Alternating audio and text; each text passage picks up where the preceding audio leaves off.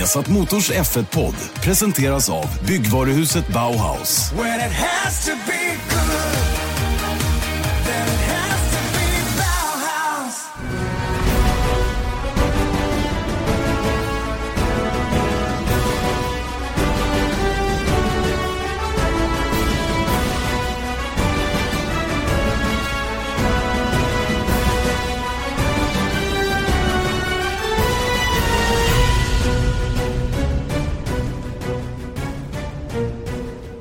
Mycket välkomna till Vesat Motors Formel 1-podd. En ny sådan inför säsongsfinalen i Formel 1 2017. Det är bara ett race kvar av 20 totalt i år och Erik Stenborg som också är med. Eh, det är, eh, det är lite småvemodigt som alltid när man kommer till ett finalrace här. Det, det är en lång säsong, vi jobbar väldigt tajt du och jag tillsammans och alla de andra gänget. Och Ja, på något sätt så känns det som att eh, det, det är dags för, för sommarlov snart och sjunga Den blomstertid. Ja, och då, det kommer man ju ihåg lite när man var ung, att det var 90% kul med sommarlov, men det var, fanns också någonting eh, ja, 10% som var lite tråkigt kanske. Mm. Men så... eh, nu, nu, tycker jag faktiskt att eh, nu, nu kanske det är omvända förhållanden på något sätt. Ja, just det. Det är 10% tråkigt eller 10% kul och 90% skönt. Jag vet inte hur du menar där, men okej. Okay. Ja, typ så. Typ så. Typ så. Hur som helst, någon blomstertid är det ju inte tal om heller eftersom vi precis har fått den första snön och i Stockholm är det ju som alltid när det kommer någon centimeter snö, totalt kaos. Är det det då också? Nej då, det var ingen fara. Alltså. Jag åkte buss och tunnelbana utan några som helst problem. Alla var glada och snälla. Så att i Stockholm, vi lär oss också. Ja, det är bra. Det är bra. Här, här, i Lagga är det helt lugnt. Det finns inga bilar på grusvägen. Och den har frusit till nu så att bilen gick faktiskt att tvätta utan att bli kolsvart igen. Okej, okay, men då, då kommer du inte därifrån då eftersom du snöar rakt över den där vägen som går över ditt gärde. Ja, men det är, så mycket har det inte kommit än dess bättre. Men det kan hända under vintern att man blir insnöad någon dag eller två. Det gör inget, det är bara trevligt. Mm. Ja, men eh, låt oss stanna kvar lite vid det här sista, sista racet. Hur, för att det, det är ju som sagt, vi har gått igenom 19 race, lite drygt åtta månader av faktisk säsong och sen så kanske en månad till med uppbyggnaden med tester och, och allting sånt. Och jag, bilarna gick snabbare i år och jag tycker att säsongen gick snabbare än vanligt i år. Jag vet inte vad det är heller, men på något sätt så tycker jag samtidigt att det kan finnas någonting bra att börja om.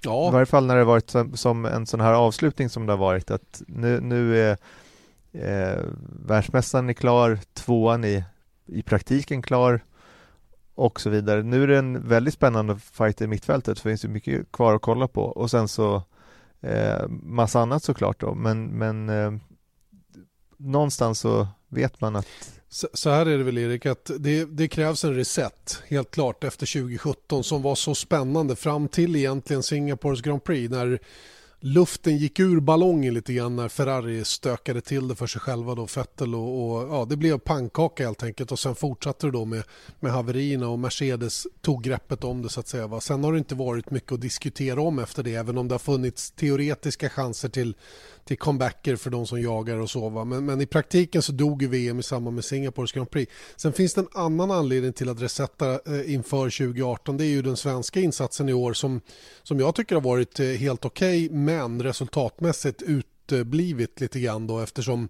Marcus har haft svårt att göra några resultat i den här bilen så har man ju ändå precis som man hade kanske inte inför i år, men inför 16 hade man ju ändå lite förväntningar om att det skulle gå lite bättre. Då. Inför 18 tror jag vi har bästa chansen på länge att faktiskt få lite bättre svenska resultat i Formel 1 om han nu blir kvar.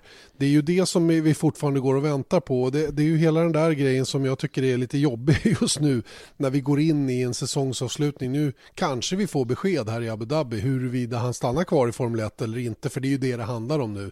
Nu handlar det inte om att gå till något annat team utan det blir Sauber eller inget känns det som i alla fall. Eller hur? Mm. Mm, absolut, och, och det, jag vet inte, det har inte funnits några liksom, direkta indikationer jag, jag, tror att det senaste som Fredrik Vassör sa att det här kan ta hur lång tid som helst eller det, det får ta hur lång tid det behöver. Eh, så det är ingenting som säger så att ja, eh, nu i helgen kommer det ska bli spännande att se vad, vad som händer. Men samtidigt så det man ska komma ihåg är att alla team vill ju ha uppmärksamhet för vad den de gör. För att det här är en bra promotionfönster och att bomma då den möjligheten och då tänker jag på Williams också mm. som inte heller har presenterat eh, sin andra förare. Det är ganska bra att göra det på en racehelg om man vill få lite eh, traction som det heter mm. i, eh, i media runt och lite uppmärksamhet. Sen så är det klart att det finns ju nyhetsbevakningar off-season också men då är det inte samma naturliga samlingspunkt. I, I Saubers fall så verkar det ju vara en massa andra saker också som spelar in just än bara vilka som, som ska köra och hela den grejen. Och man vill väl samla ihop det i något slags paket. Jag vet inte. Men, men jag har fått den känslan i alla fall att det är så man, man tänker. Men rimligen så borde ju den här finalhelgen vara ett bra fönster för dem att komma med eventuella nyheter inför 2018 och vi får verkligen hoppas att det kommer. Och att de är goda Erik, eller hur?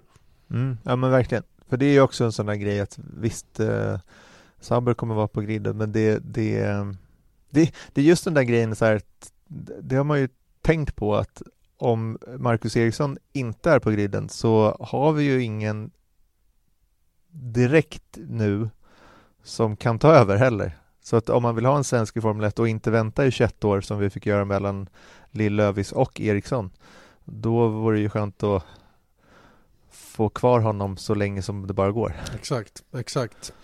Ja, vi får, eh, vi får helt enkelt eh, avvakta och se. Vi har inga nyheter att komma med här i podden i alla fall eh, kring detta. Den allmänna uppfattningen som vi nämnde redan i förra podden är ju att det blir Ericsson Leclerc som kör i Sauber 2018 och, och inte mig emot höll jag på att säga. Nej. Det vore ju toppen om, om, om det skulle bli på det viset. Eh, en bra värdemätare återigen för Marcus att köra emot om man nu skulle få Leclerc till sig och så vidare. Va? Så att alla de grejerna tycker jag är, är bara positiva. Sen, sen eh, att uh, folk tror det här, det, det, är alla, det är ju viskleken. Alla pratar ju med varandra och till slut så blir ju det någon form av sanning. Även, mm. om, även om det ingenting är bekräftat eller officiellt ännu. Va? Så vi, vi, får, vi får avvakta och se. Mm. Ändå rimligt att, att, att se en Ferrari Junior och, och eh, förhoppningsvis då Marcus Eriksson kvar. Så det, det är inga galen eh, tippningar. Det är inte så att vi tror att eh, Bruno Senna ska köra Nej. utan det, det, det, finns ju goda grunder att, att gissa på det här då. Absolut. Bruno Senna blev ju världsmästare häromdagen. Han borde väl vara redo för Formel 1 igen.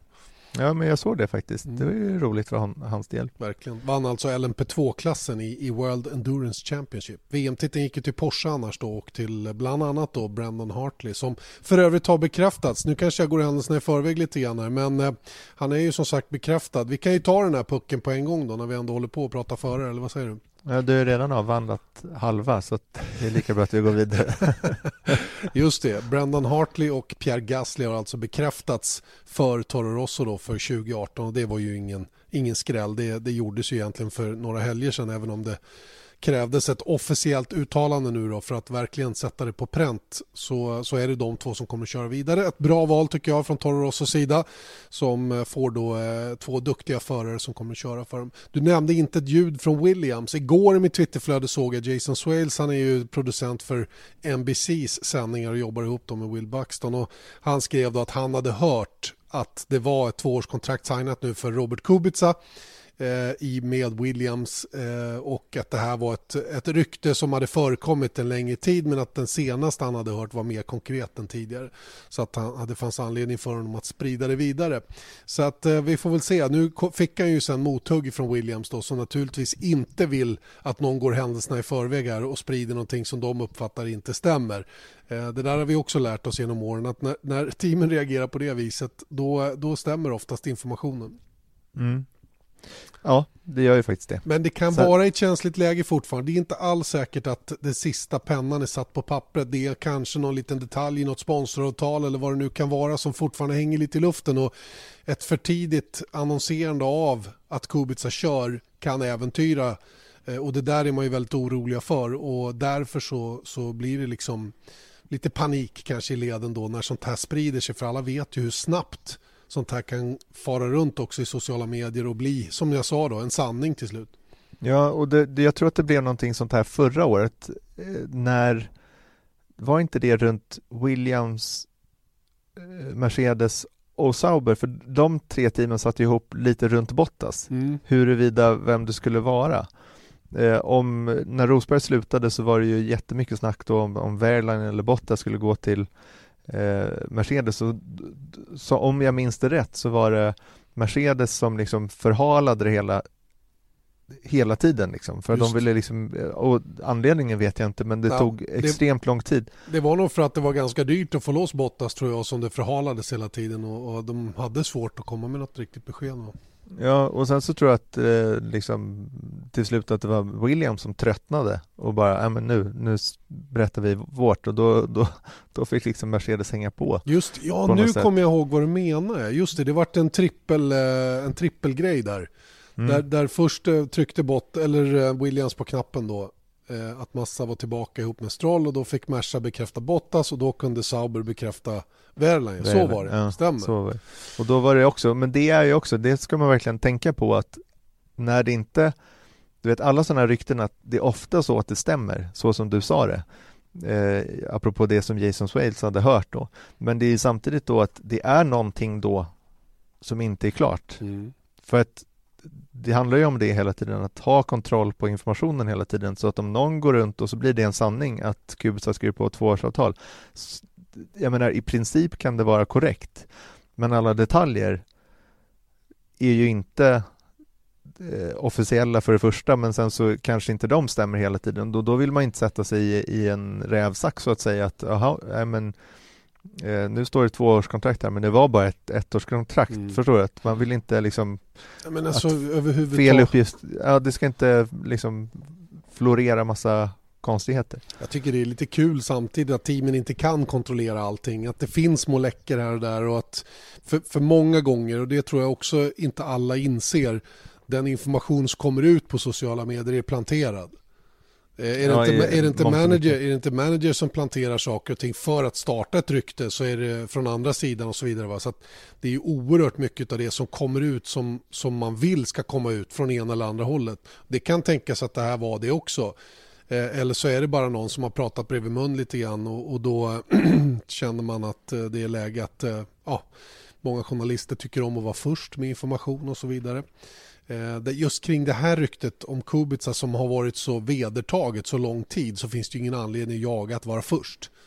Det är ju bättre att vara korrekt och, och komma med rätt information vid det tillfället när den kommer. För att det, blir, det kommer inte att vara någon överraskning när och om Robert Kubica bekräftas för, för Williams. Nej, så är det, men samtidigt så vet du med dig att du inte kommer få breaka det här först, så att säga.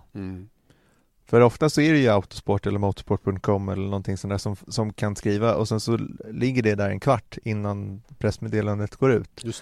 Eh, men skulle du och jag vara sugna på att breaka någonting så det kom, skulle vi inte få. För Nej, vi är inte- för, inte- för små i, i, i sammanhanget och därför måste, om vi vill verkligen vara med på tåget då kanske vi måste, eh, förstår du, tjuvstarta lite Ta- med saker som kanske inte är helt bekräftade heller. tar Vilket du och jag inte gör. Nej, vi, vi inte, det, Fake det, news. det ligger inte för oss. Men jag tänker på Roger Benoit som jobbar för Blick i Schweiz. Han skrev ju för några veckor sedan då att det var klart att eh, Leclerc och Eriksson kör för Sauber 2018. Mm. En uppgift då som, som eh, han, han chansar ju lite grann. Va? Så enkelt är det ju. Han, Mm. han har bra täckning för att skriva det antagligen via den informationen han har och tycker då att det är dags att trycka på knappen. Sen kan ju han stå där med, med dumstruten i handen eller så kan han eh, stå där och vifta med sin, eh, med sin cigarr som han oftast har i mungipan. Mm. Eh, beroende på vilket eh, som kommer att stämma då så småningom. Mm. Och så är det ju, men samtidigt så, jag tror när han skrev det så, så är det antagligen inte klart för att det, det är kanske föraruppställningen så här att om det här går i lås då kör vi med de här två men Mm. sen så är det någonting annat som inte är det. Exakt. Ja. Så Låt oss lämna den pucken men, men vi hoppas på att eh, vi får eh, några besked, åtminstone ett besked. Absolut. Jag vet inte om jag nämnde det förra veckan men jag hörde ju ett litet eh, rykte också.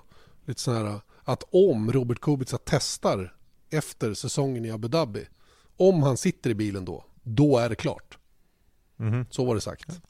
Ja. Ja.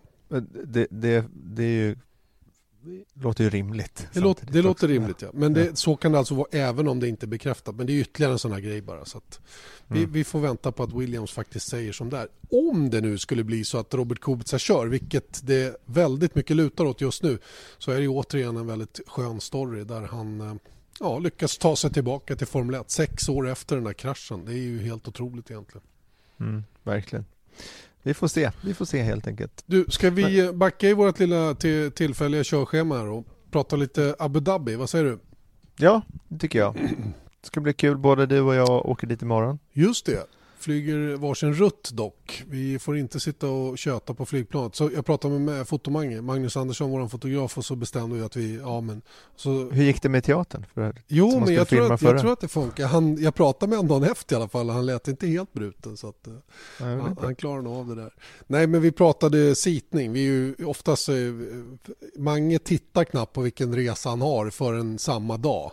Det har till Mm. och med hänt att han har gått till fel bolag när han ska flyga för att han trodde att det var ett visst bolag som han skulle åka med istället för ett annat. Så att, eh, han är inte så, han håller eh, bättre ordning på det nu men han har varit lite sådär att eh, ah, ja men jag har någon biljett säger han, jag har någon biljett Mm. någonstans och så tittar han djupt i sin mejllista.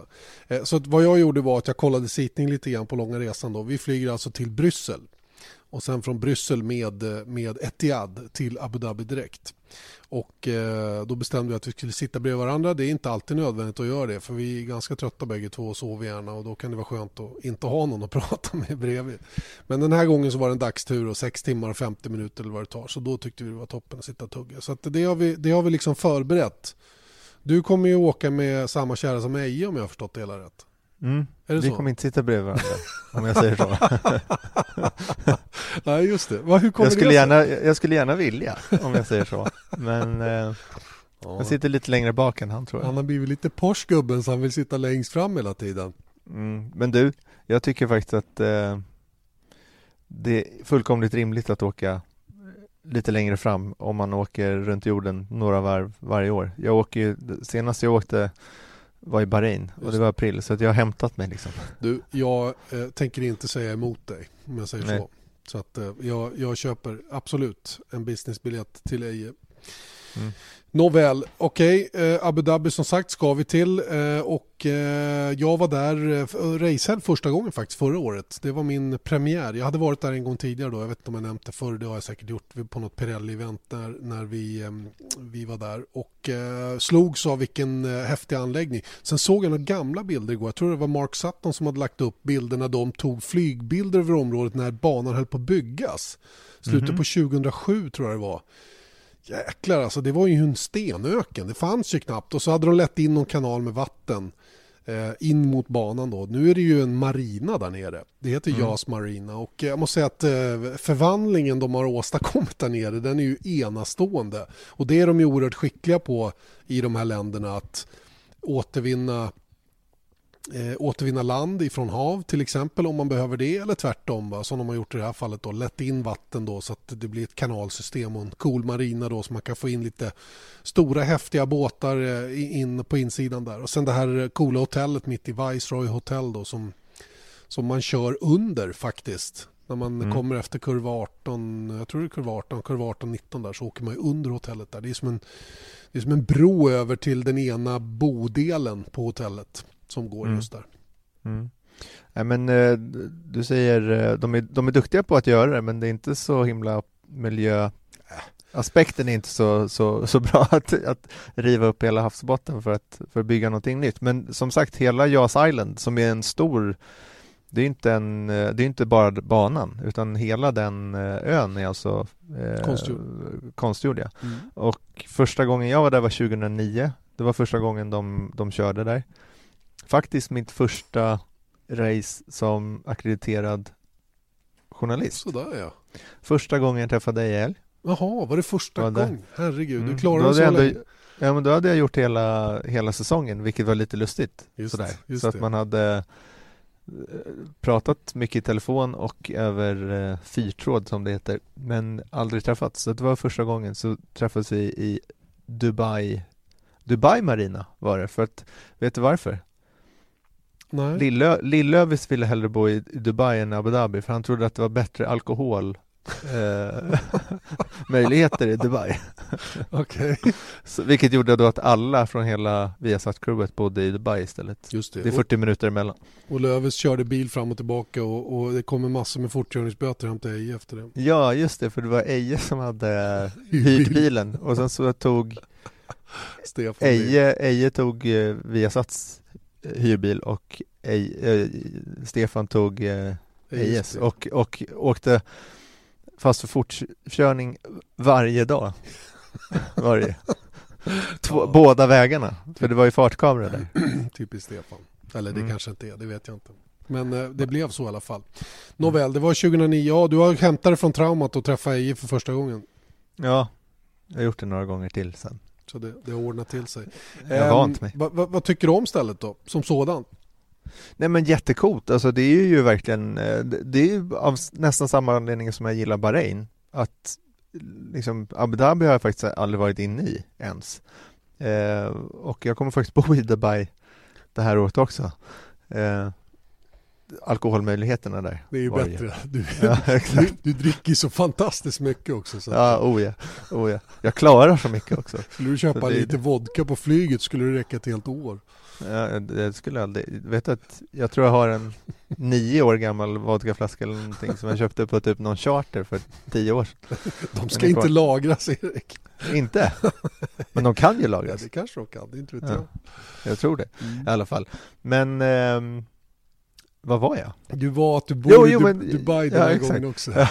Just det. det här blir bra. Det är sis- sista, sista racepodden på året. Exakt.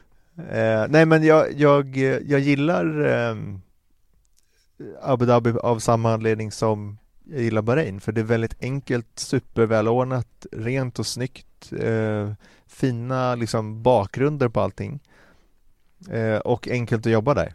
Det, det är ingen snack om saken och det är inte, du vet, samtidigt som att det kan vara väldigt kul med liksom publiktryck alla eh, Brasilien till exempel så, så blir det ju lite mera rörigt Mm. eh, på en sån plats än vad det blir i, eh, i Abu Dhabi. Eh, så att, och eh, du, när det snöar som det gör idag så kan jag se fram emot 30 grader. Ja, är det så pass mycket? Det var någon som sa Ja. till mig att det är runt 25 där nere nu. Men framförallt är det ju väldigt torr värme och eh, ja, 30 grader det lever man ju med. Speciellt som det är minus två idag och det ska bli, vad stod det, 7-8 plusgrader och lerigt igen på, i slutet på veckan. Här. Mm. Ja, men så så vi, vi kommer klara oss bra. Sen så vad gäller banan, ja, det är väl ingen, det är väl eh, ganska vedertaget att det kanske inte är någon eh, eh, liksom Jag tycker den hade den sett annorlunda ut vid sidan av. Alltså det vill säga varit lite mindre generös med avåkningszoner tycker jag den hade varit alldeles utmärkt som layout betraktat. Men Mm. den är för förlåtande idag. Det är för låga curbs överallt och det är liksom det blir mentalt inte den utmaning det borde vara för förarna och det tycker jag är lite tråkigt. Där gjorde man en miss faktiskt när man byggde den här banan. Det finns eh, absolut anledning att fundera över det. Eh, och vi, det här är ju en gammal historia med hur man ska bygga banor och vad man ska ha för typ av fysiska hinder för att förarna inte ska utnyttja för mycket asfalt, om det nu finns.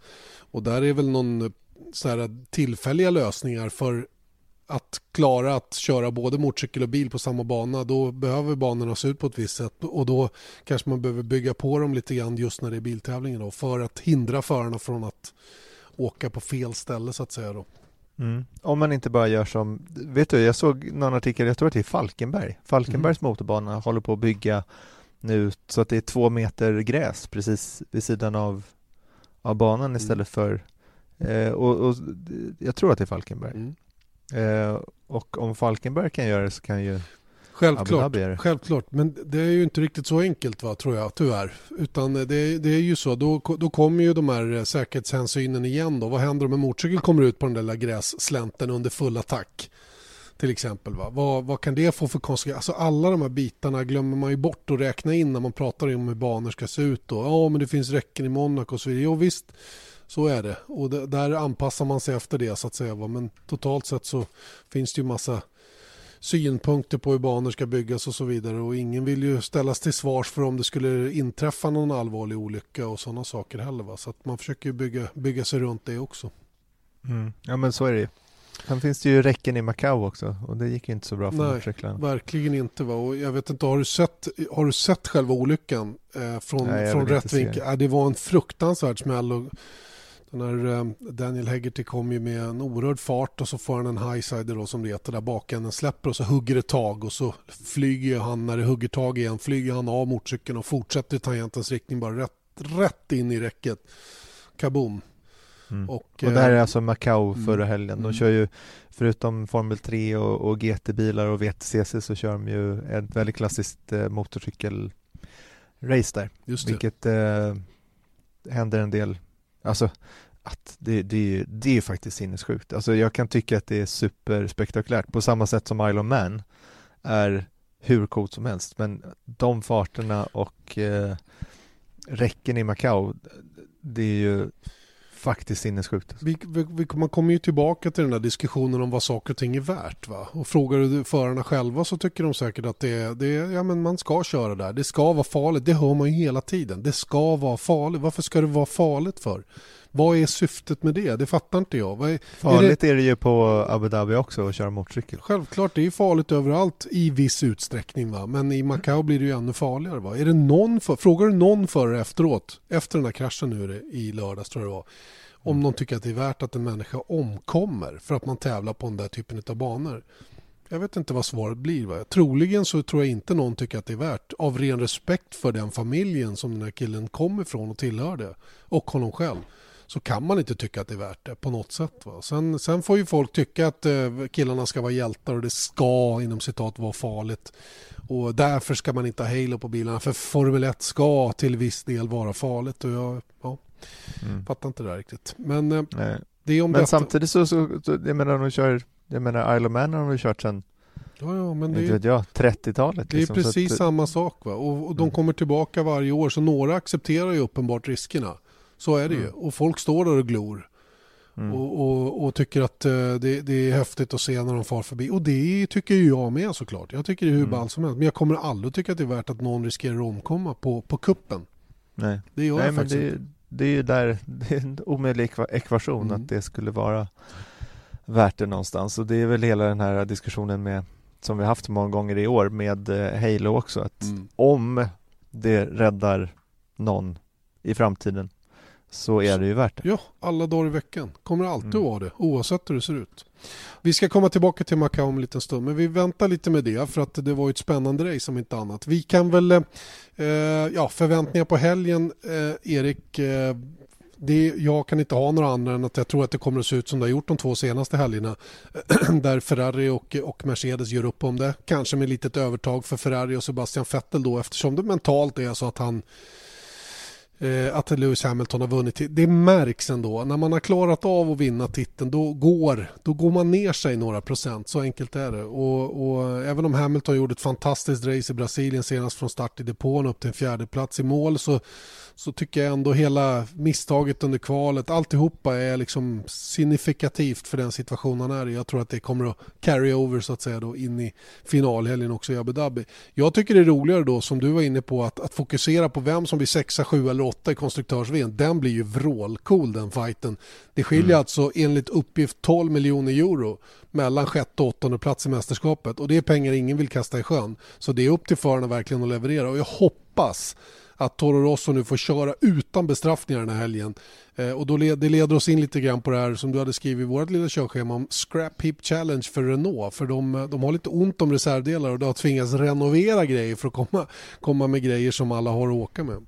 Mm. Det, det som är anledningen där då är att eh, det sägs så att Renault har allt fokus nu på 2018 och producera eh, ditåt och därav så tar man inte fram några nya gamla delar, nya årsdelar så att säga och då, därför så har man valt att renovera eh, motordelar då som från gamla motorer och stoppa in dem i, i racemotorerna till, till denna helg. Det och det är väl någonting som har skett eh, tidigare också. Ja, det, det, låter ju som om de har varit på skroten och hämtat grejer. Det är det ju definitivt inte tal om utan det är ju naturligtvis eh, bra leverans på sakerna i alla fall. Men, men eh, det, det, är ändå ovanligt för att vara Formel 1 att man tvingas eh, hantera saker och ting på det här sättet. Mm. Och det är väl för att då har man väl lite gett upp gissar man. Eh, eller man har gett upp att bli snabbare kan man säga. För att det är därför man stoppar i nya delar i en motor för att den ska gå fortare. Ja, och sen är det väl också en kompromiss i vad, vad saker och ting är värt i förhållande till vad man kan vinna året efter så att säga. Och det, någonstans finns det en begränsning i fabrikerna på vad man klarar av att producera och behöver man ställa om för 18 ja då kanske man tvingas att renovera 17 grejer för att överhuvudtaget vara på, på kartan så att säga för nästkommande säsong. Mm. Ja, det, det, där är ett svårt att ha inblick i hur mm. mycket kapacitet det finns men jag tror att det är väl den där grejen att jag vet inte om det är någon som ska ta en ny Power Unit just till denna helg. Ja, det, vi får väl hoppas det, men eh, att det inte är så. Men eh, jag, jag har svårt att se. Det är ju de här MGUH och Turbo som verkar vara det känsliga just nu då, och där framförallt Renault-motorerna har de stora problemen. Var det inte Cyril Abiteboul som sa häromdagen bara att han hatade MGUH just nu? Mm. Han tyckte den var bedrövlig. Och, mm. och um, den, den är ju oerhört viktig för prestandan i motorpaketet totalt sett och är det som har krånglat allra mest här nu på slutet för, för Renault-teamen om jag har förstått det hela rätt. Mm. Men det är det här också som gör att eh, när Red Bull var lite malliga när de hade kört, de hade vunnit två av fyra race och varit med i toppen där uppe och sen så var de ju inte det i Brasilien. Att man kanske eh, kanske inte ska räkna med Red Bull denna helg. Just för att då ska de då ställa ner motorerna så att det ska hålla. Eh, Eller så vilket... kör de flat out bara, för de har ingenting att förlora egentligen Red Bull den här helgen. De har ju redan Nej. säkrat tredjeplatsen i VM och, och eh, det är bara elda på. Så det kanske blir åt andra hållet. Mm, så kan det vara. Men det som jag tycker är tydligt här är att det är Christian Horner som ja, satte den här benämningen Scrap Heap Challenge. Um, för de kör ju med Renault-motorer som alla vet och jag tror att han är klart orolig över Renaults förmåga för de sitter med Renault nästa år också. Och vi vet att han försökte få bort regeln om att man ska gå ner till endast då tre power units till 2018. Han försökte få det att behålla fyra. Mm. Och eh, vilket blockades då som vi förstår av Ferrari. Say hello to a new era of mental health care. Cerebral is here to help you achieve your mental wellness goals with professional therapy and medication management support. 100% online. You'll experience the all new Cerebral Way, an innovative approach to mental wellness designed around you. You'll get a personalized treatment plan from a therapist, prescriber, or both in a safe and judgment free space.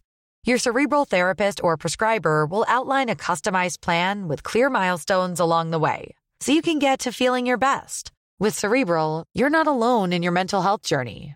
We're here to empower you to live a fulfilling life. So take that first step towards a brighter future and sign up today at cerebral.com slash podcast and use code ACasts to get 15% off your first month. Offer only valid on monthly plans. Other exclusions may apply. Offer ends July 31st, 2024. See site for details. Så det kommer bli tre power units nästa år. Mm. De är så sent på det nu så att det kräver unanimous Alltså att alla är helt överens för att få till regeländringar och det var det Horner försökte lyfta då men Ferrari sa emot. Tycker att de har tillförlitlighet så att de klarar sig och det är väl, ja, så är det ju i Formel 1 kort och gott.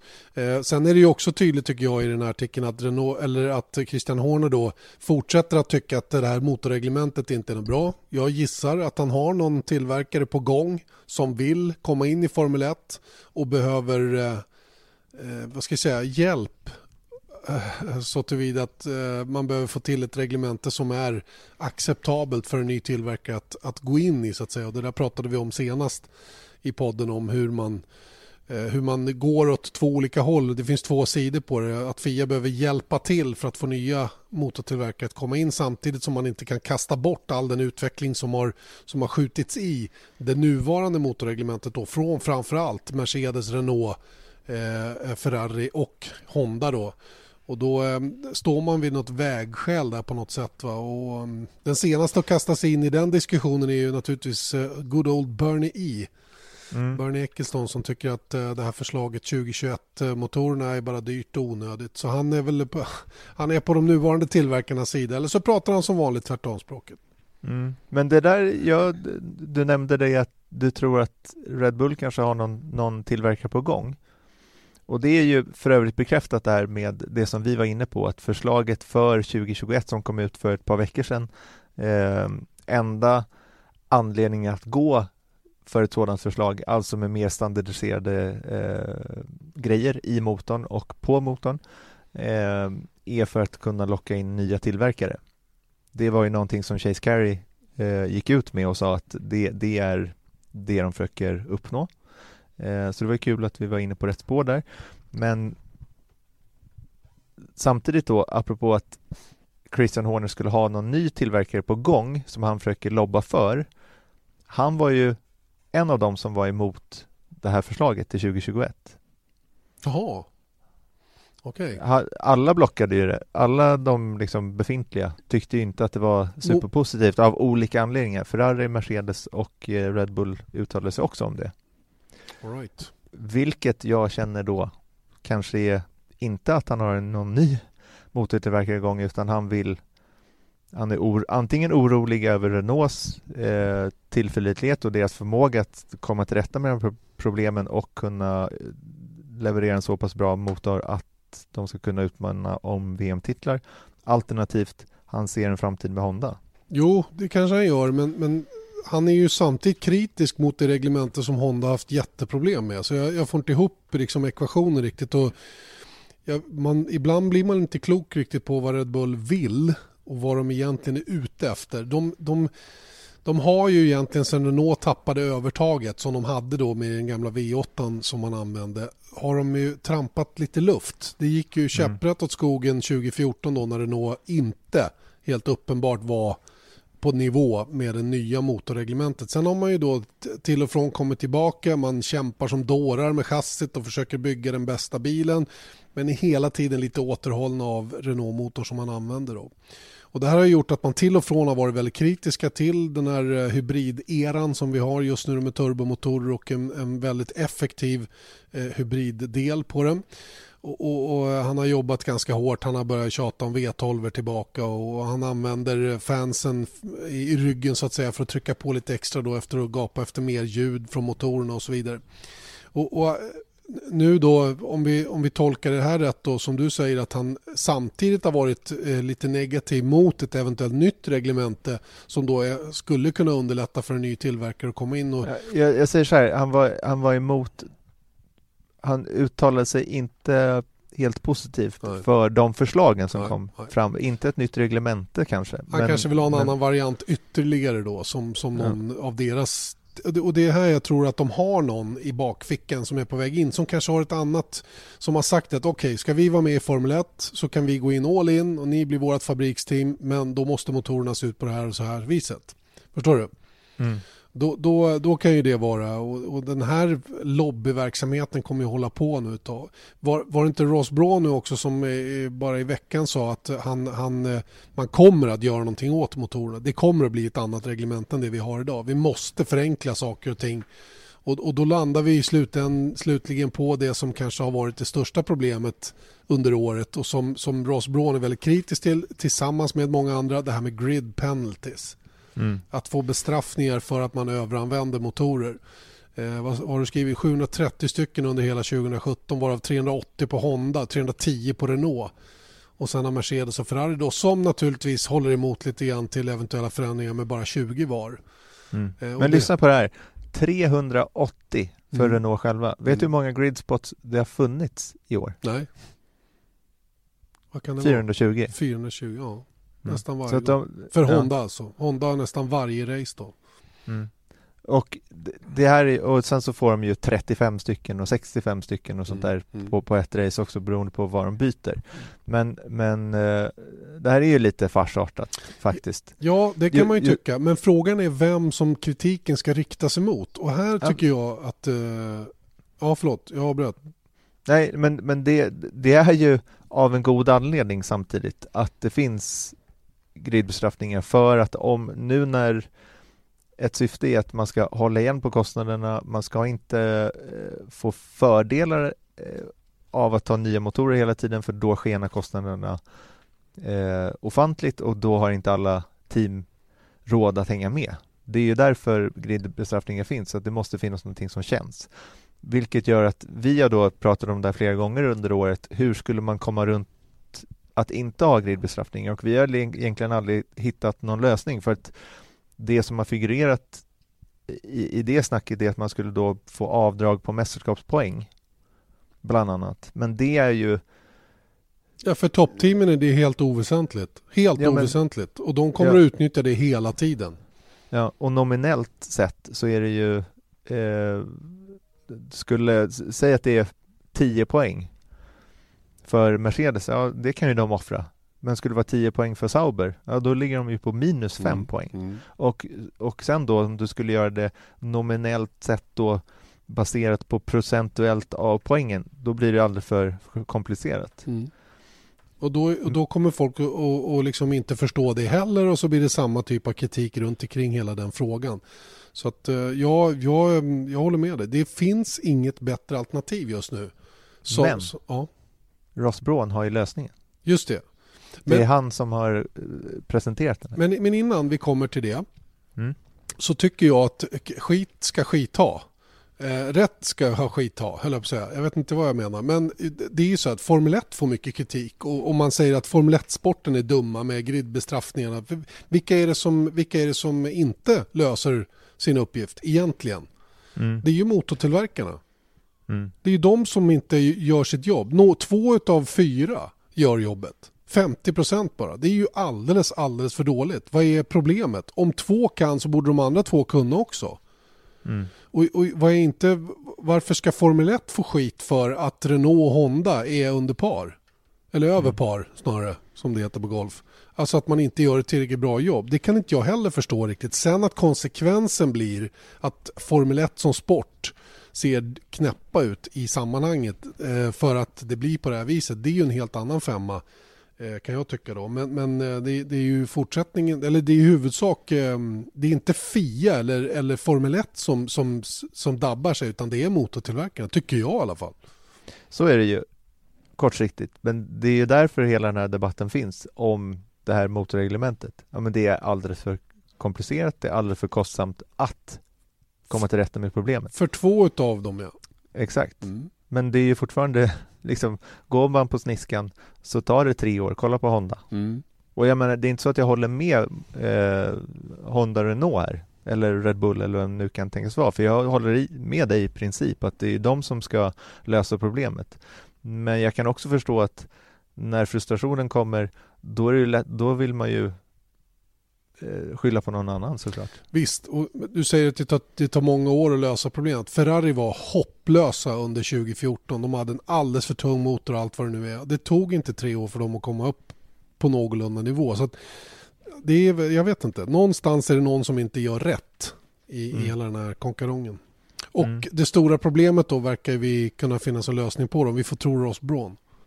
Ja, han har i alla fall sagt och vilket jag tycker också, och där är liksom utan närmare analys, det finns säkert andra som kan titta på det här och eh, ha eh, synpunkter på det han säger, men det som han har sett då är att en tredjedel av alla de här 730 eh, gridbestraffningarna som har delats ut, så är det bara en tredjedel av bestraffningarna som kommer från problem eh, med förbränningsmotorn. Resten är från externa saker som, som turbon och ERS och hybridsystem och control electronics och allting sånt där.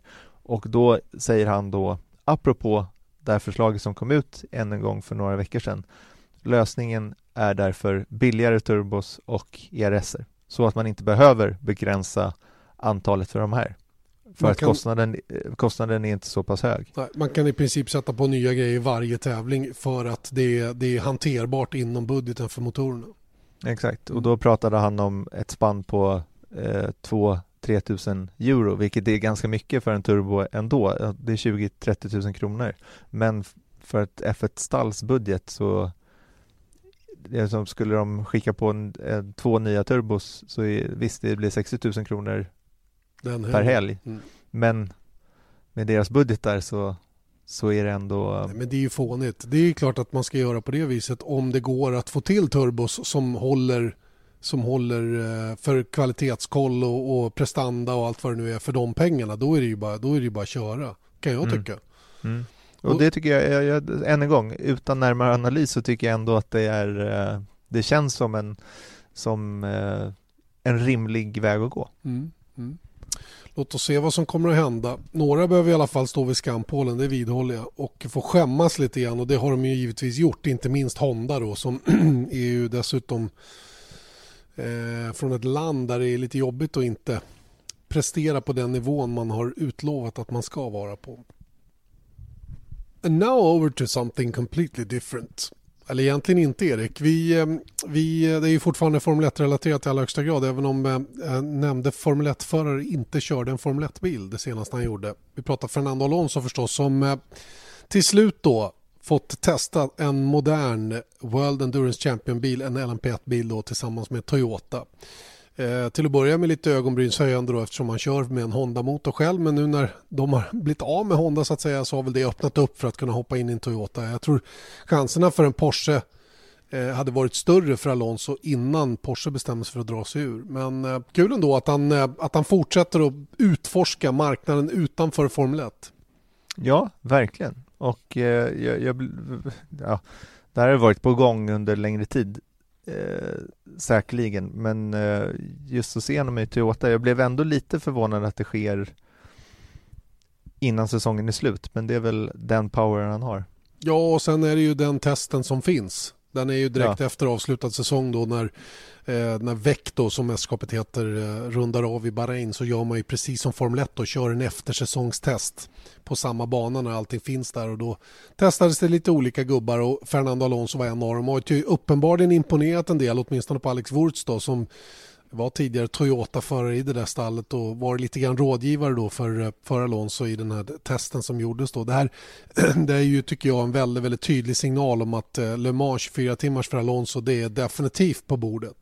Mm. Ja men det, det, går inte att säga någonting annat och det, det kommer säkert komma under vintern att han, att han kommer köra det. Speciellt nu när inte Le Mans och Formel 1-kalendern klockar. Nej, just det. De, trots att vi har en väldigt, väldigt tajt sommar med tre race efter varandra så är det alltså lucka för Le Mans då i, i Formel 1-kalendern. Och jag menar, nu är det ju en superbra chans också att vinna hela klabbet med tanke på att eh, motståndet i just LMP1-klassen har ju decimerats ganska drastiskt. Ja, och han är till och med i samma land och då kan han bara åka från Montreal till Le Mans eh, 16-17 juni tror jag att det är och sen så är det helgen efter är det på Paul Ricard. Mm, perfekt. Så då är det två, två racehelger i rad i Frankrike. Frankrike. Det är perfekt. Då blir det alltså fyra. Det blir fem, sex, fem helger på raken för hans del då. Montreal, Le Mans, Paul Ricard, Red Bull och Silverstone. Mm. Innan det blir någon form av paus. Det är ganska drygt schema det där. Mm. Det, blir en tuff sommar. Eh, men men ehm, ja, du har ju varit inne på att, att World Endurance Championship är oerhört stort behov av en förare som Fernando Alonso också med tanke på hur det mästerskapet ser ut just nu. Då. Nu såg vi att det var någon tillverkare som eh, var det nu kommer jag inte ihåg vilka det var som precis häromdagen presenterade vilken, att de går upp i LMP1-klassen. Mm. Eh, vad kolla. kan det vara? Det måste vi, du får kolla ja, jag, gör det, jag gör det på en gång här. Fortsätt prata bara. eh, etta, tvåa. Nej, men eh, det som är... Eh, ja, Audi drog sig ur till i år eh, och eh, Porsche körde nu sin sista, sista race då i Bahrain. Eh, vilket gör att det är bara Toyota av de här stora tillverkarna kvar i väck helt enkelt och då, då är det ju liksom vad ska man göra? Då måste man köra för Toyota. Så är det. Så SMP Racing är det, det rysk, eh, vad ska jag kalla det, en italiensk designad Dalara-bil med, eh, med rysk bakgrund då, skulle vi kunna kalla det. SMP Racing då, där, som bland annat supportar eh, Sergej Sirotkin som jag gissar kommer att köra en sån här bil då i veck nästkommande säsong. Han kan inte stå i depån ett år till. Eh, och då är det väl alldeles, alldeles utmärkt sätt att få fortsätta racea på det sättet. Den är i alla fall eh, benämnd BR1 och visades eh, på kvällen då vid eh, avslutningen av World Endurance Championship i Bahrain. Så att eh, Vitali Petrov och Mikhail Aleshin var för övrigt med på den här visningen då, två ryska duktiga förare då som skulle kunna få sällskapet av Sirotkin då i en helrysk satsning. Det vore lite coolt ju. Mm, faktiskt. Men sen så då att de ska slåss mot åtminstone två fabriksteater. Nu har ju de haft väldigt eh, jobbigt eh, de senaste åren. De har ju missat på mål, målsnöret kan man säga, men jag tror att sitter man på en Le Mans-grid i en Toyota nästa år så ja, och, heter Fernando, ja, och heter Fernando Alonso, då har man ju bäst chansen någonsin att, att vinna det där. Visst sjutton är det så. Ingen tvekan om saken. Ja, och då är det bara Indy 500 kvar för honom. Och vinna ja. Sen, mm. har han, sen har han tagit uh, Triple Crown. Han ska helst göra det samma år också. Just det. Ja, det, går, ju... det går nej, inte. Det går inte. Nej, det, går inte. Nej, nej. det finns Monaco ingen möjlighet. För Monacos Grand Prix, som är en av dem i Triple Crown, går ju samma dag som Indy 500. Jag har i alla fall gjort det. Så att det funkar inte. Men ehm, nej, äh, vore hur cool som helst. Jag tycker han är helt rätt i att jaga den här typen av grejer nu när han haft svårt att vinna någon VM-titel. Förmodligen får svårt att vinna VM-titeln även nästa år i Formel 1. Då är det ju helt, helt rätt att motivera sig och skapa en hype runt sig själv på det här viset. Tycker i alla fall jag. Ja, verkligen. Och jag skulle, jag tror att ett Indy 500 inhopp i Monaco är inte helt off the table heller. Alltså att han ska på... göra som han gjorde förra året? Ja, jag vet inte, liksom Honda-grejen och allting sånt där, den, är ju, den kopplingen är ju borta, men, men eh, vi får ju se hur, hur säsongen inleds helt e enkelt. E exakt, är de med i matchen då kommer han ju naturligtvis inte hoppa av något Monaco-race för att åka Indy 500 igen. Va? Men jag tror att eh, Zac Brown är nog välvilligt inställd till en, till en eh, McLaren-bil på Indy-griden igen som han hade nu då senast här. Ja, och hänger de inte med i F1 så måste de ju tillåta dem att göra det. Antagligen. Absolut, vilket förmodligen ingår i det avtal som man har skrivit nu då med McLaren. Han förlängde ju och det sägs ju vara ett flerårsavtal då. Då finns det säkert en hel klase med morötter i det här avtalet som han kan gnaga på när han behöver. Mm. Sure thing. All right. Eh, en del har ropat efter att eh, Formel 1-förarna borde åka till Macao och köra en Formel 3-bil. Eh, mm. Varför inte? Vore det kul med ett litet uppvisningsrace på Macao-banan med F1-förare i bilarna istället för de här Young Guns som åker dit nu då och gör upp om det i World Cup som racet heter. Då. För övrigt ett eh, helt galet race nu i helgen. Ja, jo det hade varit väldigt coolt. Men apropå det så såg jag, det går ju väldigt fort i Macao. Och varvtiden ligger på 2.10 ungefär va? Ja, 2.10 en tror jag är det snabbaste racevarvet som har körts där. Mm. Men jag såg, eh, för jag vet inte när det var, 2004 kanske, så Nej, var Jordan Det var 2000, ja det kanske var 2004 mm, Någonstans där mm. så tog Jordan dit en Formel 1-bil med Ralph Furman, den dåvarande Jordan-föraren och dundrade runt där. Och dels då, igen då så får man den här lite chocken av, av uh, ljudet från V10. Det är inte helt dumt alltså, måste Nej. jag säga. Nej, dumt är det inte. Nej, men sen så då att han körde på 1.55 tror jag. Och då är det ju inte så här kvaltrim liksom. Han skulle säkert kunna komma ner några sekunder till om, om man verkligen hade pushat på. Men det var sjukt coolt att se en Formel 1-bil runt den där good old days. Verkligen. Ja, bra. Ralph, ja. Ralph Furman i Jordan alltså. Uh, 2003 var det. 2003. Mm. Nästan.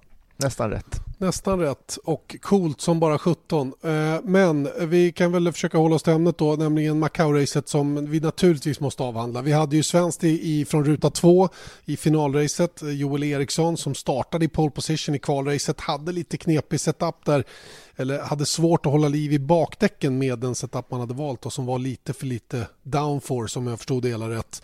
Det hade han gemensamt med bland annat också Landon Norris då som dels gjorde en dålig start och som inte hade någon vidare fart i racet heller och slutade på sjunde plats i kvalracet. Mm. Ehm, finalracet sen blev ju, um, blev ju en bra inledning. Joel Eriksson uh, gjorde en jättebra start, var först iväg och hade ledningen ut på de två första varven. Sen på det tredje varvet efter en så kallad full course yellow eh, när man skulle släppa fältet igen, vilket tv-produktionen inte riktigt var med på, så, så eh, strulade det till sig. Det blev lite kontakt mellan honom och Callum Islet som han hade startat intill då i första led vilket gjorde att det blev punktering för Eilert och eh, en trasig framvinge för Joel Eriksson. Framvingen som åkte in under framhjulet på hans bil. När han skulle komma in i Lisboa så gick det inte att få stopp på bilen och styra in så att han blev stående där nere och sen fastnade han på väg upp för backen och fick inte igång bilen och kunde köra vidare. Så det var slut för Joel Eriksson väldigt, väldigt tidigt i det där racet. Men det var ju de tre sista varven som, var, som blev riktigt, riktigt eh, häftiga måste man väl ändå säga. Det måste man ändå säga. Nej, det var helt sjukt. Alltså det var ju nästan, ah, alltså topp top fem. Ja, det får jag nog lov att säga. Jag tror aldrig jag upplevt något liknande. Det var många saker jag aldrig hade upplevt tidigare. Inte heller den här kökrocken som var eh, uppe i poliskurvan i GT-racet som fick halva startfältet att försvinna, mer än halva startfältet och även det här avslutningen. Jag tycker till att börja med att Dan Tictums omkörning ut på näst sista varvet in i Lisboa när han tar både Lando Norris och Maximilian Günther i en och samma sväng.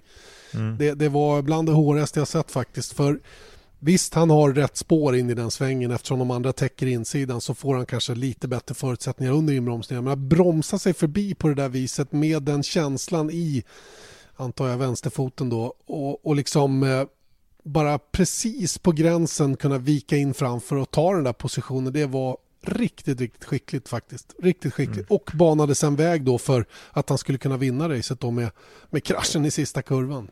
Mm. Men det var ju också helt sjukt, du måste nästan gå igenom den, det skeendet också. Det, som För det var ju ett så sjuk fight. Ja, det var sista, det. Sista det var varvet. Det. var också ut på sista varvet, så det stod ju alltså mellan eh, brasilianen eh, Sette Camara och, eh, och eh, ehm, eh, Ferdinand Habsburg österrikaren. De två låg och fightade så Habsburg hade mycket, mycket bättre däck än Camara de sista tre varven ungefär.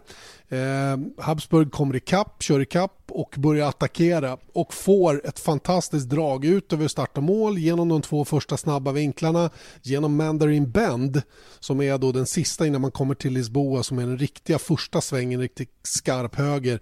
Så blir han lite ivrig uppfattar jag det som och vill förbi redan där. Tar utsidan genom Mandarin Bend Eh, Kamara håller lite mitt vid banan och han går på yttern där. Kommer ut lite grann i smutsen och sen är de jämsides på väg ner mot Lisboa.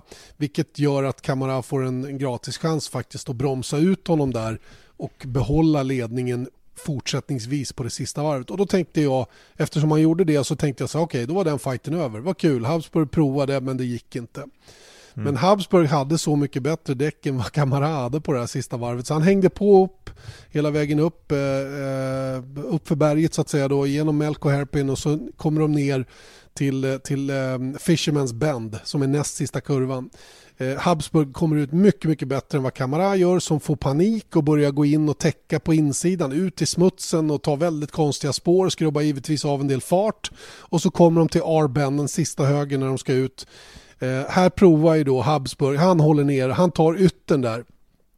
Eh, Kamara tar in den, eh, får ju alldeles för snäv vinkel Kamara alltså och när han vrider in så tappar han bakänden för han vrider på ratten för mycket helt enkelt. Det fanns inte grepp för det. Eh, får ett kast, bilen rätar ut och han går rätt ut i räcket. Habsburg å sin sida har ju så mycket fart också in i sista sväng för han har bestämt sig. Han tänker inte bli tvåa. Så han kör om Kamara, går in i sista sväng. Problemet är att även han har för hög ingångsfart. Så bilen understyr för hans del. Så han kommer kanske 15-20 meter, eller ja 50 meter till då innan han smäller i på, på utsidan och slår av vänster framhjul och kommer sen sakta sakta på tre hjul upp mot mållinjen. Samtidigt kommer då Dan Tictum, Lando Norris och eh, Ralph Aron, Ralph Aron ja, estländaren, eh, förbi och hinner passera eh, Habsburg innan han passerar över linjen då på sin bil på tre hjul och, eh, och en, en makalös avslutning på det här racet. Man trodde inte sina ögon överhuvudtaget. Va? Men det var coolt och det var F3-racing på absolut yppersta nivå och det var framförallt F3-racing från sin allra bästa sida. Och eh, racing rent allmänt när den kan vara som allra mest underhållande tycker jag. Mm. Och alltså, vi kommer fortfarande repetera det här stundtals på Viasat Motors. Vi måste eh, eh, träffa rätt där. Kolla i tablåerna så ni kan se det om ni inte redan har gjort det. Och om ni har gjort det kan ni se det igen. För oh. att det är inte... Jag kommer göra det. Och sen tycker jag det är kul att Dan Tickton vann. Han kör ju alltså eh, Formel Renault 2.0 mm. i Eurocupen. så det är lite spännande också att vinna det här. Det var, hans, Eh, det var hans tredje helg i en Formel 3-bil. Han körde Macau förra året, han körde på Hockenheim i år, eh, F3-EM och sen körde han den här helgen och går och vinner hela klubbet. Han är dessutom en kille som har varit avstängd i två år för att ha gjort en otrolig dumhet under ett MSA Formula Race i England. Han fick spade på någon konkurrent som hade gjort någonting dumt tyckte han och körde om en massa bilar under säkerhetsbil och satte av konkurrenten, Ricky Collard tror jag det var och blev ju hårt, hårt bestraffad för det här och alla, de allra flesta trodde att hans karriär var över. Mm. Men han kom tillbaka och blev Red Bull junior av allting Mm. och kör Formel Renault där han inte leder för övrigt, tror jag, mästerskapet heller.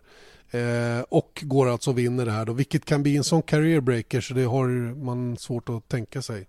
Dr. Marco älskar ju den här typen av stories tror jag och eh, körningen som han stod för med omkörningen där utav Norris och company det var ju för mig i alla fall höjdpunkten i racet rent skicklighetsmässigt. Sen var det ju spännande där på slutet med Habsburg och, och Camara men det var eh, kanske inte det, den förnämligaste avslutningen för deras del. Nej, verkligen inte. Men ändå så var det, han körde ju också lite GP3 i år va? Eh, För Dams. Tictum, Ja. okej, ja han kanske har gjort det med. Gjort något inhopp där. Mm. Men det som är spännande tycker jag också att se, vi pratade förra, förra veckan om eh, eh juniorer på väg in och det, det är ju de här Lando Norris och det finns det några fler där som man kan tänka se. Det är ju alltid, tittar man på Macau så ser du ju tre F1-förare varje år. Minst. Ja, brukar kunna bli så. Callum Eilert är ju Ferrari junior just nu. Eh, har säkert goda möjligheter att ta steget upp. Man hade ju hoppats att Joel Eriksson hade haft det också. Nu vet inte Mm. jag riktigt vad som kommer att hända för hans del. Det har ryktats om DTM och BMW för hans del och eh, ja, mycket pekar åt det hållet.